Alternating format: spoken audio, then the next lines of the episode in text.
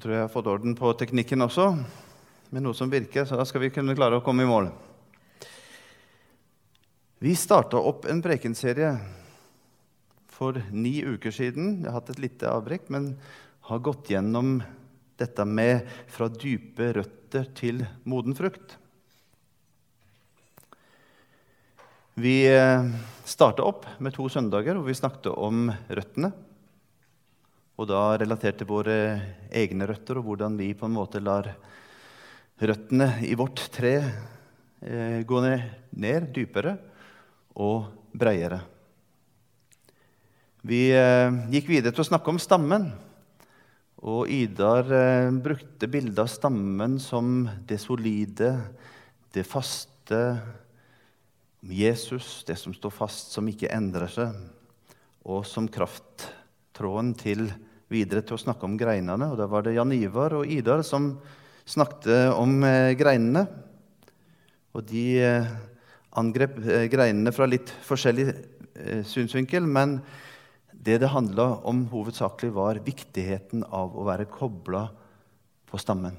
For uten koblingen til stammen så var det ingen flow av noe ut i greinene som kunne gjøre at greinene kunne verken leve, produsere eller ha det godt.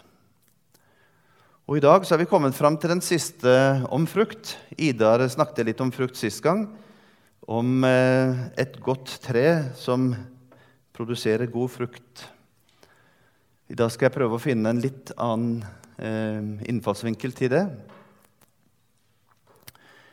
Frukten som vi snakket om, eh, vi var bortom her, det er jo så mange ting. Det er veldig mange av de tingene det vi lærer til de vi har eh, rundt oss, f.eks. våre barn og barnebarn. De tar jo etter oss og lærer. Vi, vi får liksom vi får, Det er noen som sier du får det du sår, eller Det er denne her bestefaren da, som, som har noen eh, regler i huset. og og gutten kommer til bestefaren sin og så sier, 'Kan jeg ta noe godteri fra godteriskåla?'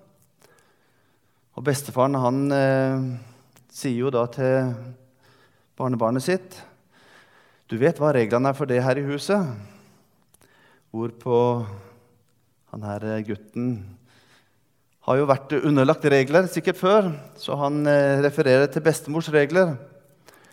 Ja, ikke noe godteri før middag, men bestefar han sier nei, det er bestemors regler. Bestefars regler er at du skal ta med en til meg.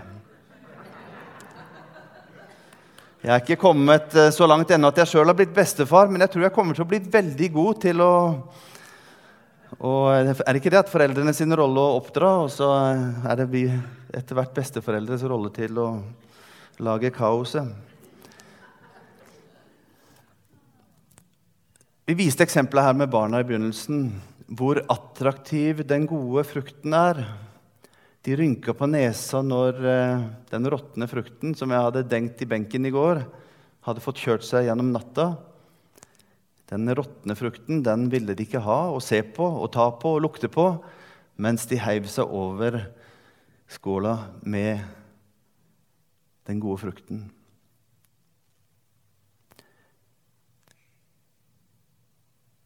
Frukten sånn som han står, de tinga som også Ida nevnte forrige søndag, om åndens frukt. Dette er ting som i all hovedsak blir synlige i våre liv. På Sørlandet er den nummer to det er litt vanskelig.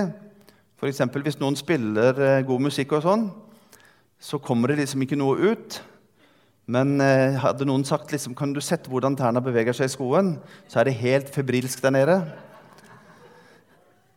Men stort sett så kommer denne åndens frukt ut til overflaten, og det blir synlig frukt i livet våre.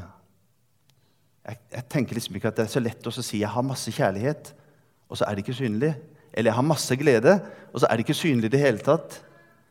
Eller si jeg er full av fred. Fred er det som er virkelig preger meg. Og så er det uro uansett hvor de går henne. Det er bare en sånn ufredens menneske. Det er ikke sånn. Det blir synlig, det som kommer. Det, det, frukten i våre liv, den blir synlig.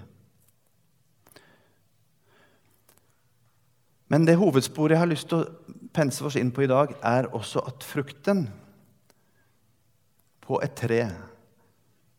Ja, den kan nytes, sånn som her, som vi kan se. Men hovedgrunnen til frukten er reproduksjon og multiplisering. Det er på en måte en prinsipp som ligger i treet til tider, faste tider for ethvert tred. Så kommer det frukt på treet, og i det treet så ligger det kraften til et nytt tre eller til å sette spire. For dette er liksom det vi tenker. Du har den bitte lille spira, og så vi ser liksom for oss det. Og den naturlige, det er, det er liksom et slags sånn kretsløp av dette. Og vi kjenner det også fra våre egne liv, ikke sant? Naturen er sånn. Alle vi som sitter her inne, vi er barn. Alle vi er et produkt, en frukt, av det foreldrene våre har sådd.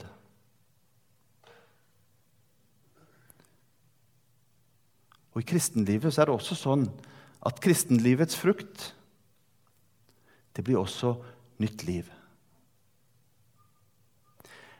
Jeg er sikker på at noen av dere har vært i kirka når jeg har vist denne videoen før. Men dette er en video jeg lagde om dette med noen løp av familie og generasjoner. Og For dere som ikke har sett den, og til nytelse for dere som har sett den før, det er en god illustrasjon på dette her med å gi det videre, eller at det går fra en generasjon til en neste generasjon til en neste generasjon. Dette er det naturlige. Se på denne.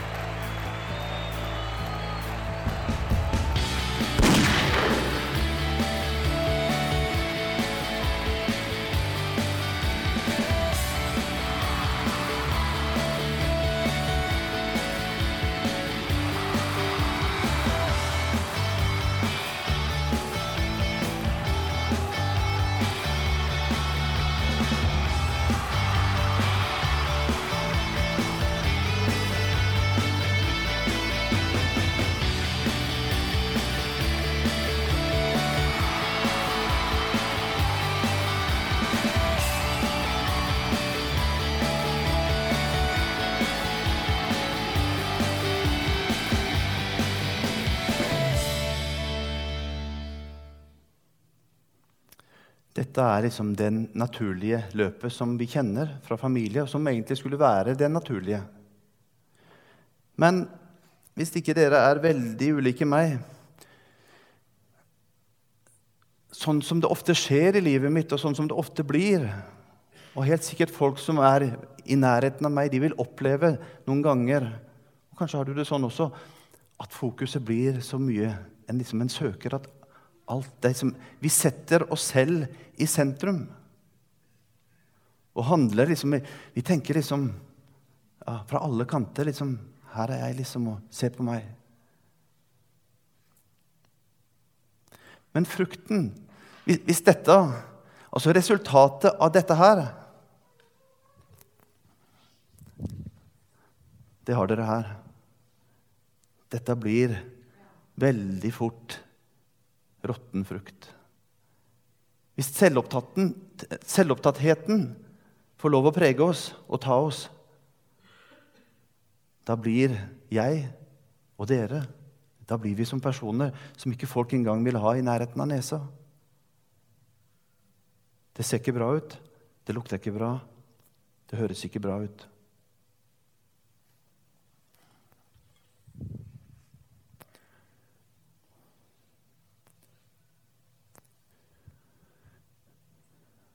Men hvis det er denne type bevegelsen fra oss sjøl ut til andre Og hvis dere ser de andre som er i denne sirkelen, så går det også piler ut ifra de. Vet dere hvem sin modell dette er? Dette er Jesus sin modell. Dette er Jesus sin modell for liv. og hvordan han investerte tid, kraft, oppmerksomhet med sine disipler. Han var én person. Han jobba bare med et fåtall mennesker. Han brukte mesteparten av tida si med noen veldig få personer. Og hva var, det, hva var det slags type tjeneste han drev med?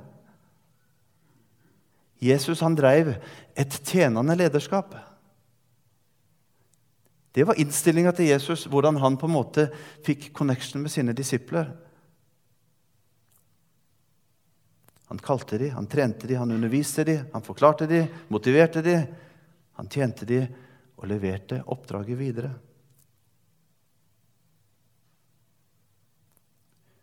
Dette her er grunnlaget for den veksten vi har hatt fra de første kristne, fra den første kirka og fram til i dag.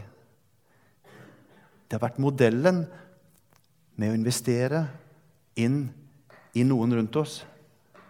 Og så har det fått multiplisert. Er det noen her som har lagd et slektskart? Hva er, er, hva er, det som er utrolig med et slektskart? Det tar to personer å fylle ei hel side. Ikke sant?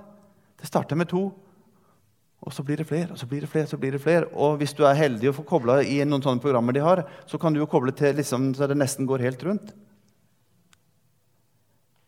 Med slekta. Så det å på en måte investere og jobbe Jesus sitt prinsipp med å jobbe med de han hadde rundt seg, det var det som skapte frukt, og frukt som varer. så kan vi se på våre egne liv og tenke hva er det for noe i våre liv? Hvordan ser dette ut? Og så tenker jeg hm, jeg kan se på Jesus og hente inspirasjon. Men jeg har også møtt noen mennesker som har gjort et så fantastisk inntrykk på meg i mitt liv som jeg har fått lov å leve sammen med noen mennesker. Og Den første jeg har lyst til å si til dere, det er ei dame som vi traff i Zimbabwe. Hun heter Ruth. Hun var sjøl et barnehjemsbarn i Finland. Reiste ut som misjonær. Hun har aldri vært gift. Men jeg tror hennes slektstre er større enn det vi noen gang kommer til å oppleve, noen av oss. Jeg tror hun hadde 110 barn boende hjemme hos seg i løpet av de, ti åra, eh, av de tida hun, hun var i Zimbabwe. Hun kjørte ut i bushen for å sette sprøyter og vaksinere. Så fant hun barn som var underernærte og kom fra dårlige kår. Så spurte hun foreldrene kan jeg få lov å låne barnet ditt. På hvilken skala fra 1 til 10 ville du hvis det kom en her, dette her liksom bare med bare mørke, og så kommer en hvit eh, person inn og så sier kan jeg låne barnet ditt? Ja, bare ta det. Nei. Men det var noe med den dama som bare Ja, hun tok med seg barnet hjem. Hun ga det mat, hun ga det omsorg, stimuli, og leverte tilbake et rundt ansikt. Hun adopterte noen barn. Det var ikke bare, det var ikke bare frukt til nytelse, sånn som her, men det var moden frukt fra et menneske som virkelig torde å investere det hun hadde i sitt liv, til mennesker rundt seg, på en måte som jeg blir rørt bare av tanken av det. Og så er det en person til som jeg akkurat har hatt nærkontakt holdt jeg på å si, med. I november så reiste han her mannen opp til Finnsnes, Metodistkirka i Finnsnes sammen med Manuel Waldron i Flekkefjord og hadde sangfesten på Finnsnes. Og han mannen her, han kunne, Det var to gutter som satt helt bakerst i kjerkesalen. Egentlig så satt de i naborommet og spilte på iPad. og sånn. Så fra fredagen når de begynte, på lørdagen hadde de flytta inn på bakerste benk etter litt samtale med Solomon Facey. I løpet av lørdagen så var de framme på første benk. Når lørdagen var slutt, så sto de og sang i koret. Og på søndagen så sang den ene av de guttene solo. Men det han gjorde Han sto ikke og sa 'Nå må dere komme, gutter'. Nei, han gikk ned til dem, satte seg med dem, hang med dem, vitsa med dem, lo med dem, prata med dem. Hva venter de? Han har vært ti ganger i Flekkefjord. Og jeg tror vi har sikkert 50 ungdommer i dag som sier og som synger en sang 'I'm a friend of God', fordi han har, han har levert noe videre. Men så var jeg i London, 45 år gammel. Så døde han. Midt i januar så døde Solomon Facey, og jeg var i begravelse på fredag. Bare sånn at jeg skal få et lite inntrykk av hvem denne her personen er. Dette er i Flekkefjord når han jobber med ungdommene.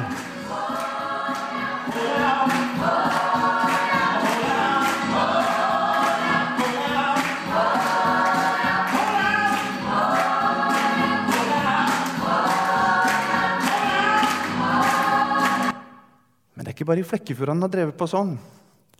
Når jeg kom til London i begravelsen, så kom det 1500 mennesker fra hele Europa flyende inn for å være med i den begravelsen. Det er det villeste jeg har vært med på. En begravelse? Ja, kanskje det. Eller en gospelfest. De kalte det for homegoing. Celebration of life. Jeg tror han har rekt mer på 45 år enn det jeg kommer og noen andre kommer til å rekke på hele livet. Det er noen som trenger mer tid enn andre til å produsere frukt som vare. Men på de 45 åra han herre gospelduden har vært rundt, det han har levert på de stedene han har levert han har levert. Når han kom til Flekkefjord, så opplevde jeg at jeg var viktig. Og så hørte jeg noen fra Danmark og Tsjekkia og Polen og andre. Alle opplevde det samme. Alle var viktige. Han tok selfie med alle. Om det var med Andrew Crouch når han var på besøk, eller om det var med Kirk Franklin, eller om det var med ungdommene i koret vårt. Hvor mange selfier han har på den PC-en som familien snakket om, det vet ikke. Alle var viktige for han.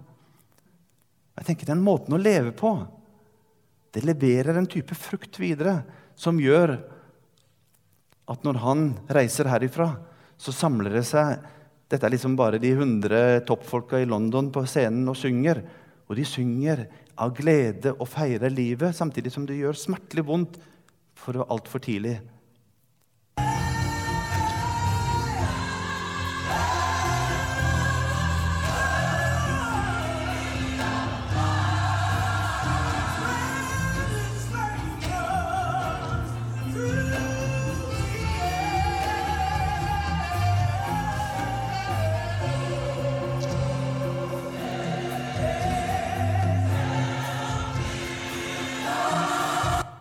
Jeg tror jeg vil ha sånn en begravelse.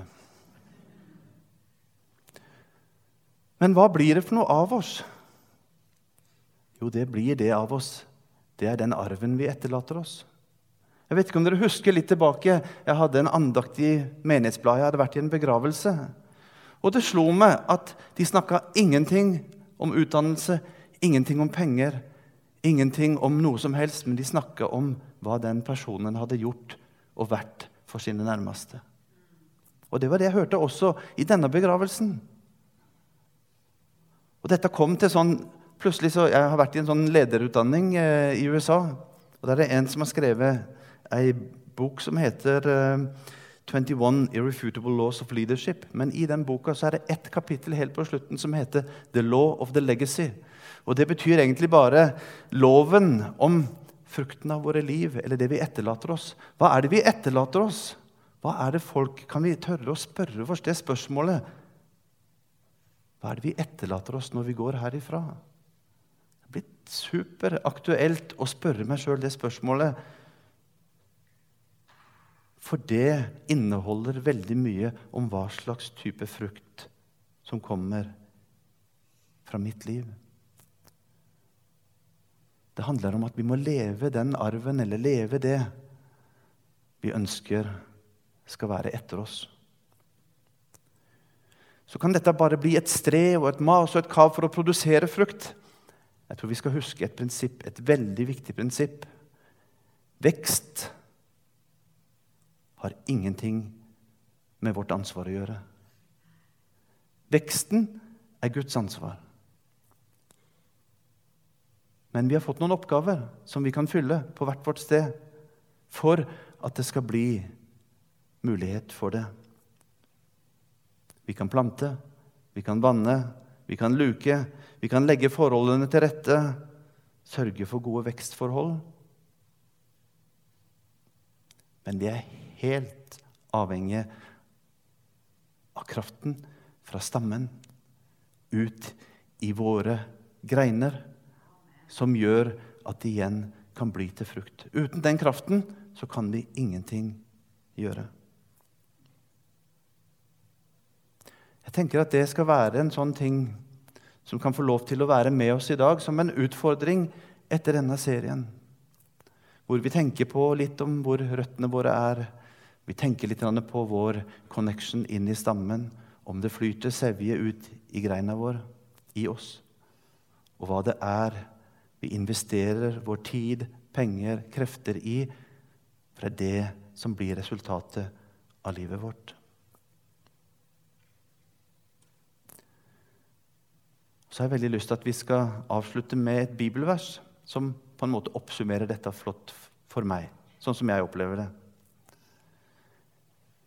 Jesus sa direkte til oss gjennom Bibelens sitat Johannes 15.: Bli i meg, så blir jeg i dere.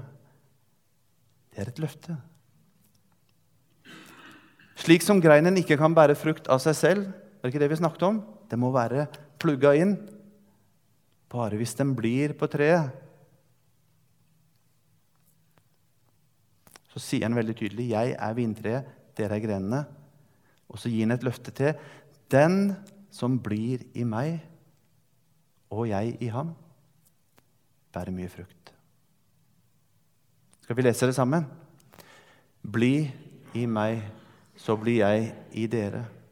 Slik som greinen ikke kan bære frukt av seg selv, men bare hvis den blir på vintreet. Slik kan heller ikke dere bære frukt hvis dere ikke blir i meg. Jeg er vintreet, dere er greinene. Den som blir i meg og jeg i ham, bærer mye frukt. For uten meg kan dere ingenting gjøre. Vi har kommet til slutten på denne serien. Og det er vårt håp og vår bønn som har fått lov å være med og dele. At det setter noen dører på gløtt. Det har åpna noen tanker. Det har fått tilføre dere noe. Og husk det bli i Herren, og la Han bli i deg. Så skal du få bære frukt. Mye frukt. Moden frukt. La oss be sammen. Kjære Gud, takk for at vi kan få lære av skaperverket ditt. Prinsipper og forståelse inn i vårt liv. At det kan bli til noe praktisk. Jesus, takk for ditt tjenende lederskap, for den eksempelet du har vist til oss for våre liv, hvordan vi kan leve. Hellige Ånd, hjelp oss til å leve sånn med livet vårt at vi bærer frukt. At vi får visdom i hjertet til å produsere, prioritere. Herre, takk for at du gir vekst. Amen.